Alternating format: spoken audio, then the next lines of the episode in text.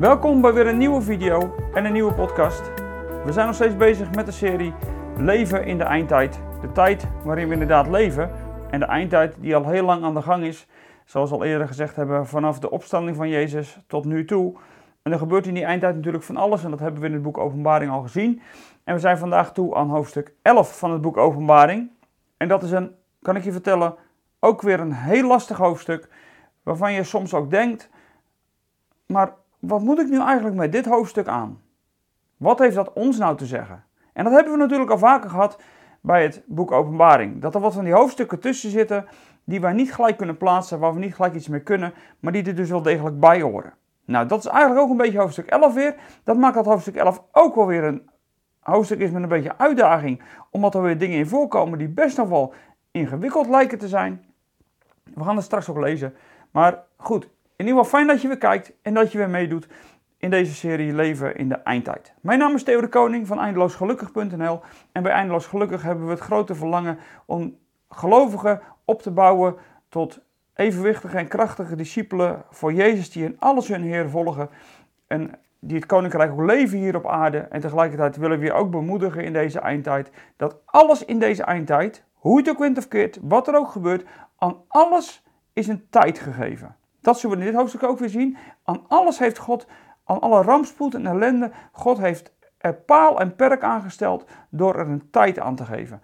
En dat zien we eigenlijk iedere keer weer bij de rampen die over de aarde komen en de ellende en de oordelen. God heeft er iedere keer een tijd aan gegeven. Dus het is niet eindeloos. Het is ook niet zo dat er niemand meer regeert. Want we zijn deze serie begonnen bij de troon van God in hoofdstuk 4. En op die troon, daar zat God zelf. Dus weet je, het ligt allemaal gewoon veilig in Gods handen. Ook als we zo hoofdstuk 11 gaan lezen. En dat 11e hoofdstuk, dat gaan we dan met elkaar ook maar lezen. En daarna wil ik er gewoon maar een beetje stuk voor stuk doorheen gaan. Want ja, anders slaan we misschien toch wel dingen over. Ik merk dat dat even wel eens een keer wat gebeurt. Dat ik soms, soms toch eens wat teksten maar even op de achtergrond maar wat laat zitten.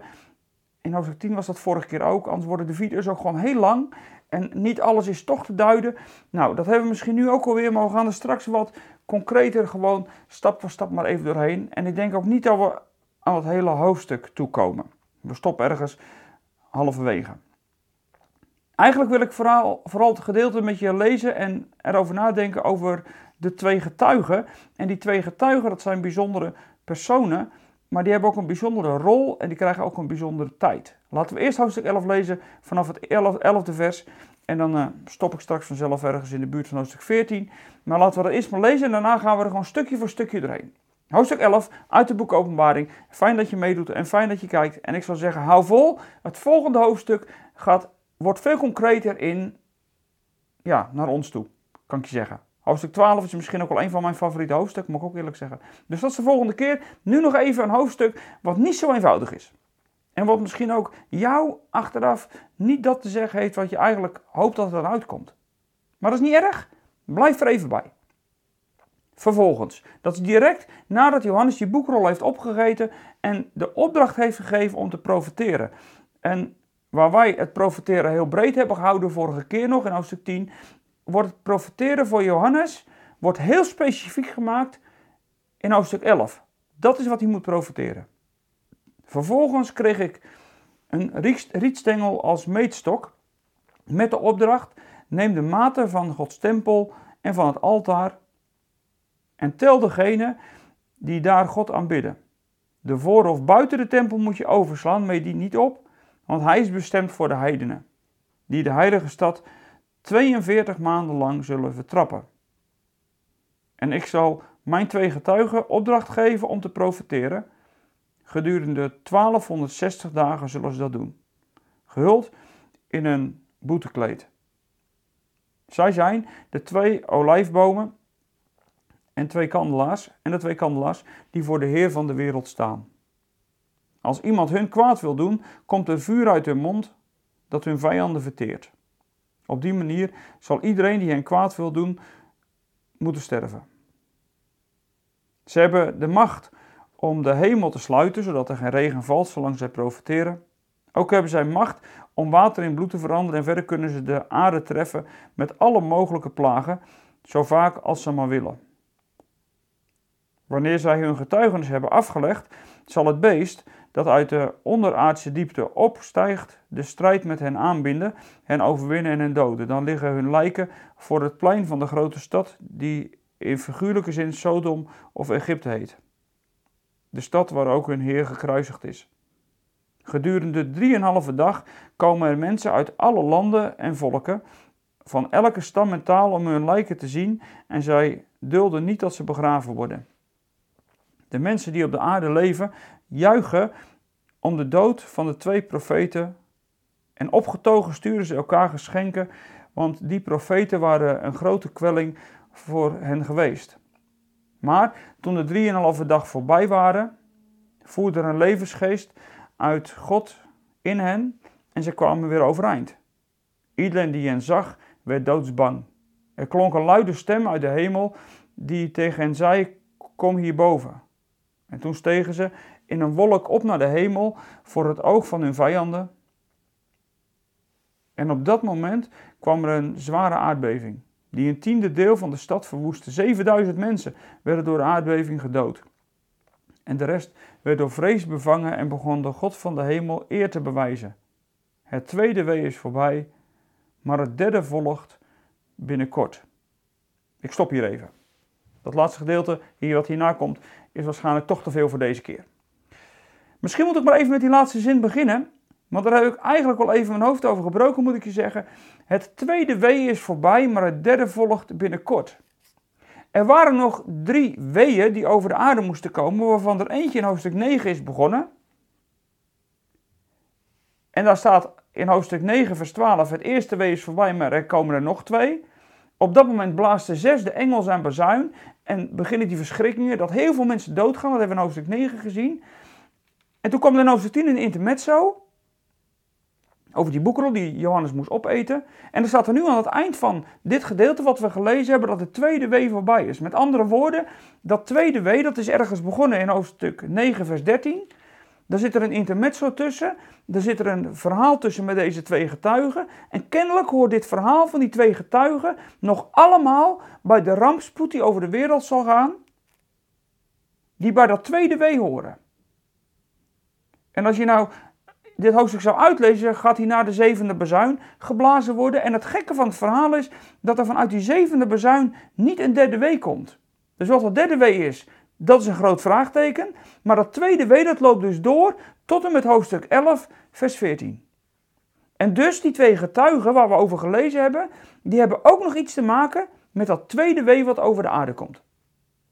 Nou, als je dat even in je achterhoofd houdt, dan betekent hier dus dat er verschrikkingen zijn die voortkomen uit deze twee getuigen, die dus zo verschrikkelijk zijn dat ze bij het wee horen. Nou, wat zijn nou die twee getuigen waar Johannes over schrijft in hoofdstuk 11? Ja, dat weten we niet. Dat is het vervelende weer. We weten niet wie die twee getuigen zijn die hier genoemd worden. Vervolgens, er komen gewoon twee getuigen. Maar voordat die twee getuigen op het toneel verschijnen, moet Johannes eerst nog even de tempel meten. En dat meten, dat is in de Bijbel en zeker in het Nieuwe Testament en zeker ook als je naar de eindtijdverhalen kijkt, is dat meten van de tempel niet alleen maar een, een, een getal wat eruit komt, maar dat meten heeft ook met een soort van beoordelen te maken. En hij moet dan de tempel meten met uitzondering van het voorhof waar de heidenen zijn. Met andere woorden, het gaat hier waarschijnlijk dus over de gelovige rest van Israël. Die gelovige rest van Israël, die wordt gesymboliseerd in degenen die nog in de tempel zijn. En die worden ingemeten en daarmee wordt ook aangegeven dat ze uiteindelijk ook beschermd zijn. Dus diegenen die in, in die tempel meegemeten worden, die zijn veilig voor datgene wat er gaat komen. Want er gaat dus blijkbaar vanuit die voorhof, waar die heidenen zijn, nog iets gebeuren. Die heidenen, die vinden het namelijk verschrikkelijk wat die twee getuigen komen doen. En die grijpen in en vermoorden dan straks die twee getuigen. En die twee getuigen, die mogen niet begraven worden en die liggen gewoon openlijk dood op straat. Dan ga je je afvragen wie nou die twee getuigen zijn die dan opstaan als Johannes die tempel heeft gemeten. Want dat is de vraag natuurlijk van dit gedeelte. Want als hij klaar is met meten, en dan, dan staat er ook, meet, meet niet de voorhof op, want die is bestemd voor de heidenen. En die zullen de heilige stad 42 maanden lang, en dat is een belangrijk getal, 42 maanden lang zullen ze die vertrappen. Dus dat komt er nog aan. De heilige stad Jeruzalem zal 42 maanden lang vertrapt worden. Die 42, dat is een tijd, twee tijden en een halve tijd, maar is ook gelijk aan 1260 dagen. Drie begrippen die diezelfde periode aanwijzen. Er komt dus een periode dat die heidenen uit die voorhof, dus die daar wel om dat tempelcomplex heen hangen, uiteindelijk de heilige stad zullen vertrappen. Maar voordat dat gebeurt, of eigenlijk tegelijkertijd met dat gebeurt, zegt degene die met Johannes spreekt, en dat is of, of Jezus zelf of God, die zegt dan: Ik zal mijn twee getuigen opdracht geven om te profeteren. Wat die profetie is, dat wordt niet verteld. We weten niet wat die twee geprofeteerd hebben. Nou ja, dat is niet helemaal waar. Want als je even doorleest over dat getuigen van die, van die twee getuigen, de opdracht is te profeteren, dat mogen ze 1260 dagen doen. Dus diezelfde periode dat de heidenen de heilige stad Jeruzalem zullen vertrappen. In die periode zullen die twee getuigen optreden en zullen kennelijk een boodschap laten horen.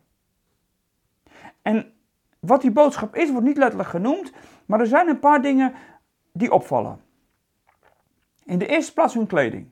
Ze zijn gekleed in een boetekleed. Dus waarschijnlijk is het een oproep geweest tot bekering en geloof. En dat gevoel, dat versterkt eigenlijk als je leest wat er verder gebeurt.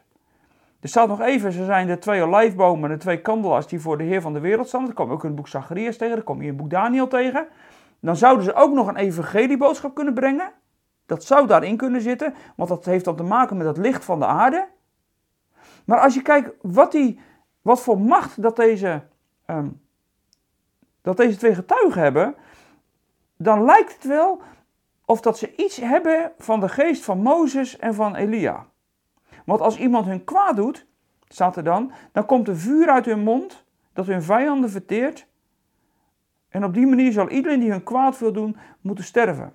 En ze hebben macht om de hemel te sluiten, zodat er geen regen valt. En ze hebben ook macht om water in bloed te veranderen. En ze hebben ook macht om heel veel plagen over de aarde te laten komen. En eigenlijk hoort dat dus bij dat zesde wee, of bij dat, bij dat tweede wee. Want deze getuigen die, die profiteren dus niet alleen, maar ze hebben ook een, een macht gekregen om uiteindelijk degene die, over wie ze dus profiteren, om die macht ook um, te uiten in de zin van plagen, uh, droogte over deze aarde en zelfs vuur. En die dingen die genoemd worden, die hebben alles te maken met Mozes en met Elia. Bij Mozes kwam de vuur uit de hemel, bij Elia kwam er vuur uit de hemel.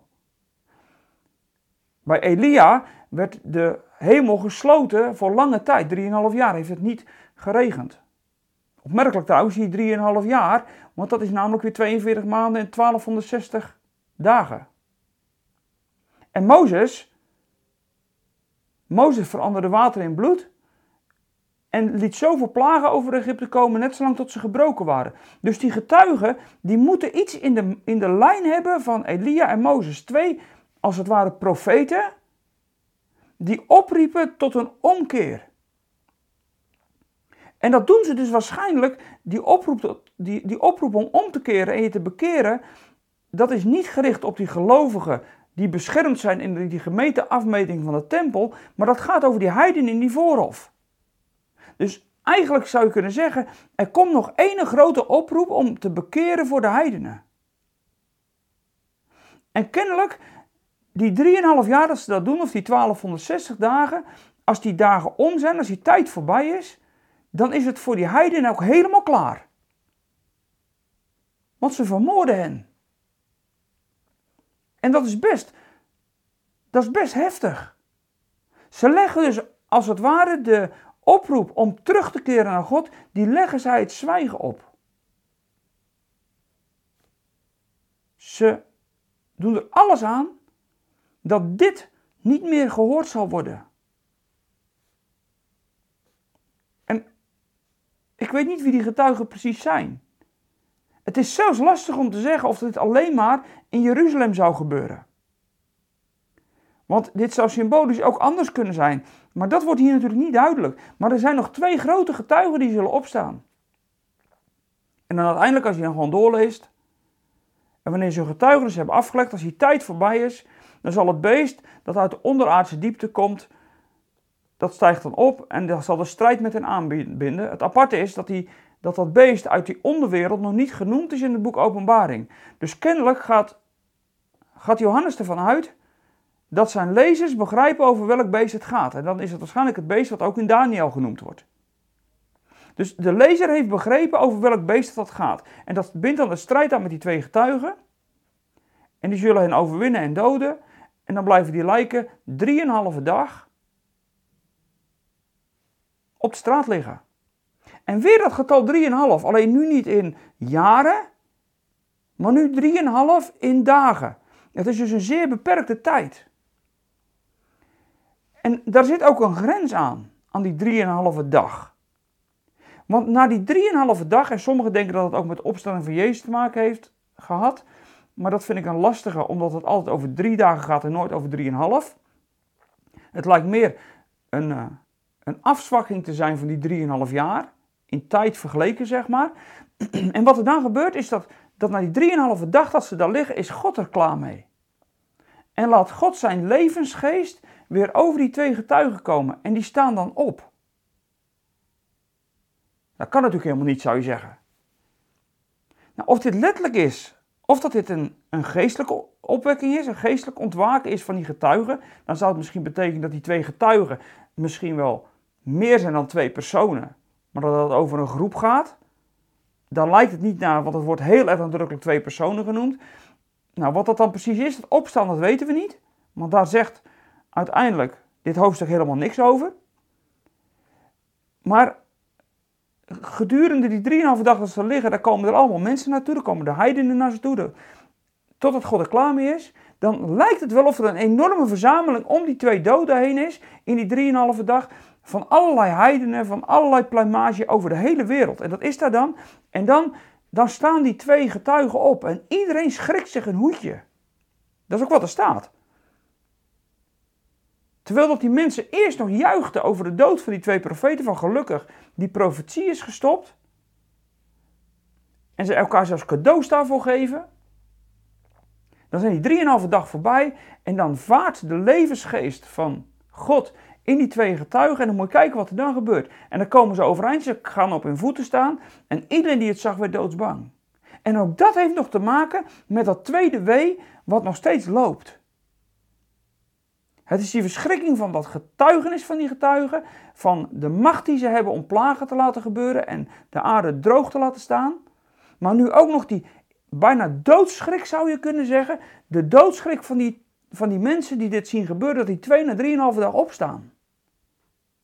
En toen stegen zij op in een wolk naar de hemel. Ze worden door God thuis gehaald, ze worden beschermd.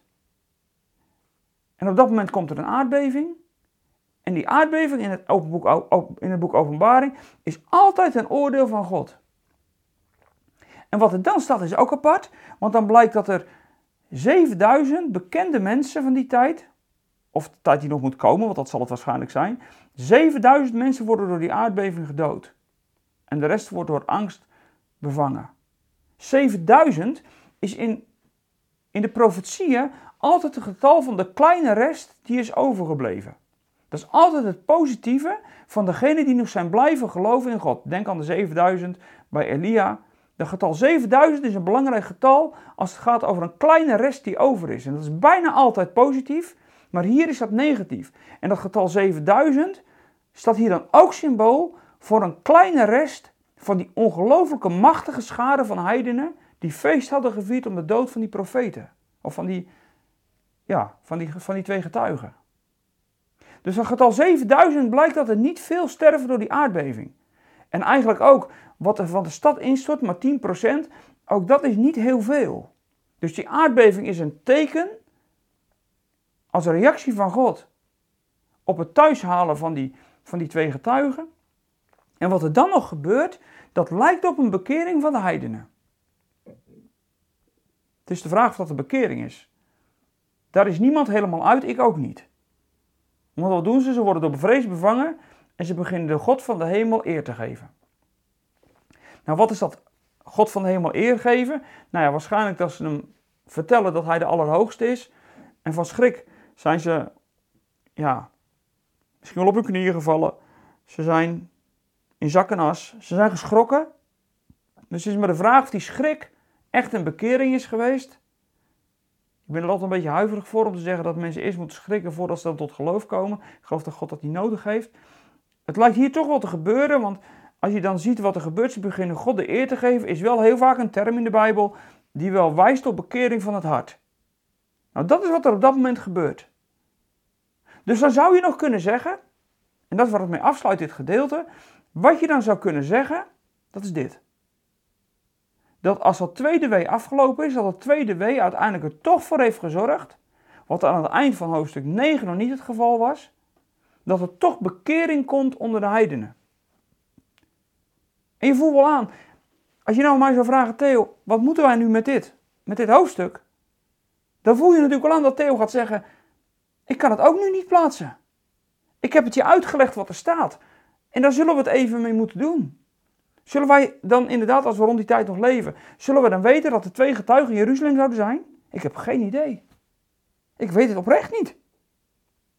En als je dan het, boek verder, het hoofdstuk verder gaat lezen, dan lees je dat die zevende bezuin geblazen gaat worden. Toen blies de zevende engel op zijn bezuin. En dan zou je zeggen, daar komt nu dat derde wee. En dat komt niet.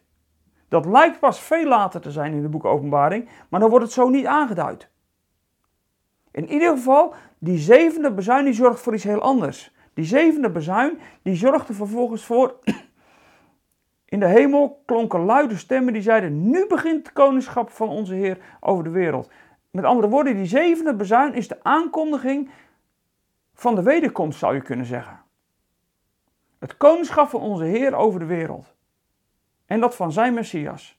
Hij zal heersen tot in eeuwigheid. En de 24 oudsten die op hun tronen bij, die op hun tronen bij God zaten, die wierpen zich neer en aanbaden God met de woorden: Wij danken u, Heer, onze God Almachtige, die is en die was, want in uw grote macht neemt u nu het koningschap op u.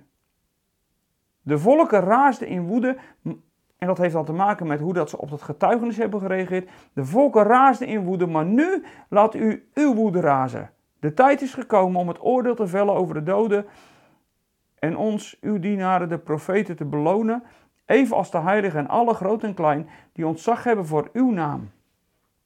En ook om hen die de aarde vernietigen, nu zelf te vernietigen. Toen ging Gods tempel in de hemel open en verscheen daar de ark van het verbond en volgde bliksemschichten, groot geraas, donderslagen, een aardbeving en een zware hagel. Ineens klinkt dan na dat hele verhaal van die twee getuigen die zevende bezuinen en allemaal stemmen in de hemel en daar wordt God geëerd.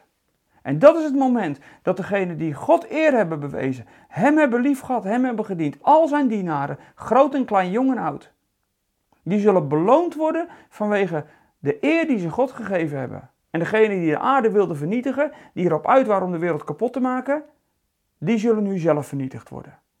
En dat klinkt bijna als een opluchting. Die zevende bezuin klinkt als een opluchting in de hemel. Gelukkig, nu is het moment dat Jezus zijn complete koningschap over de hele wereld zal laten zien. En eindelijk zal het onderscheid er komen en wordt er opruiming gehouden. Dat is wat het op uitloopt met die zevende bezuin. En die tempel die er tevoorschijn komt, dat is allemaal symboliek. De ark, de verzoening die nog een keer zichtbaar wordt gezet. Als het ware staan al die gelovigen straks dan om die ark heen en zien nogmaals de verzoening, hoe groot het dat geweest is. En dan stopt alles rond dat zesde wee. Of dan stopt alles rond dat tweede wee. Dan stopt die zesde bezuin. Dan komt nu de zevende bezuin. En dan zou je zeggen, nu krijgen we een heleboel te horen. En dan zijn we ineens bij hoofdstuk 12. En dan duiken we straks ineens weer helemaal terug in de tijd. En komt hoofdstuk 12 met een hele grote verrassing. Hoe de hele geestelijke wereld om ons heen eruit ziet. Maar dat is voor de volgende keer. Ik heb nu hoofdstuk 11 met je doorgenomen. Ik zei het al, ik kan je niet beloven dat je er concreet gelijk iets mee kan. Dat is ook niet het allerbelangrijkste, maar ik wil wel, wel dat je weet dat ook dit er staat. Soms moet je dingen gewoon parkeren. Dat moet ik ook. En daar hebben we soms het geduld niet meer voor. Wij willen gelijk alles weten en snappen. Maar soms moet je hoofdstukken uit de Bijbel gewoon plaatsen voor de tijd dat God openbaart wat hij hiermee bedoelt. Want we hoeven niet alles te snappen. We moeten het alleen al wel weten, zodat als het zover is, dat we het begrijpen. Ik zou zeggen voor nu bedankt voor het kijken. Het was misschien een hele theoretische video deze keer. Ja, dat is dan wat het is. Als je het volgehouden hebt, dan ben ik trots op je. Dankjewel voor het kijken. Geef even een blauw duimpje op uh, YouTube. Reageer ook rustig in de comments, dan reageren we daar ook wel weer op. En als je ons financieel wil steunen, nou heel graag. We willen komend jaar onze eigen studio gaan bouwen. Op dit moment hebben we altijd een ruimte in gebruik. Die mogen we altijd onbeperkt gebruiken. Daar zijn we heel dankbaar voor. Aan de andere kant is een eigen studio in onze directe omgeving altijd weer makkelijker. Want dan kun je gewoon veel sneller en makkelijker die video's maken. Hoef je niet voor op pad. Nou, dat is half dit jaar de planning. Dus als je ons financieel wil steunen, dan vinden we het heel fijn. Want we zijn hard aan het sparen om die studio in, ons, in onze eigen omgeving straks te kunnen maken. Nou, bedankt voor nu en ik zou zeggen, tot volgende week.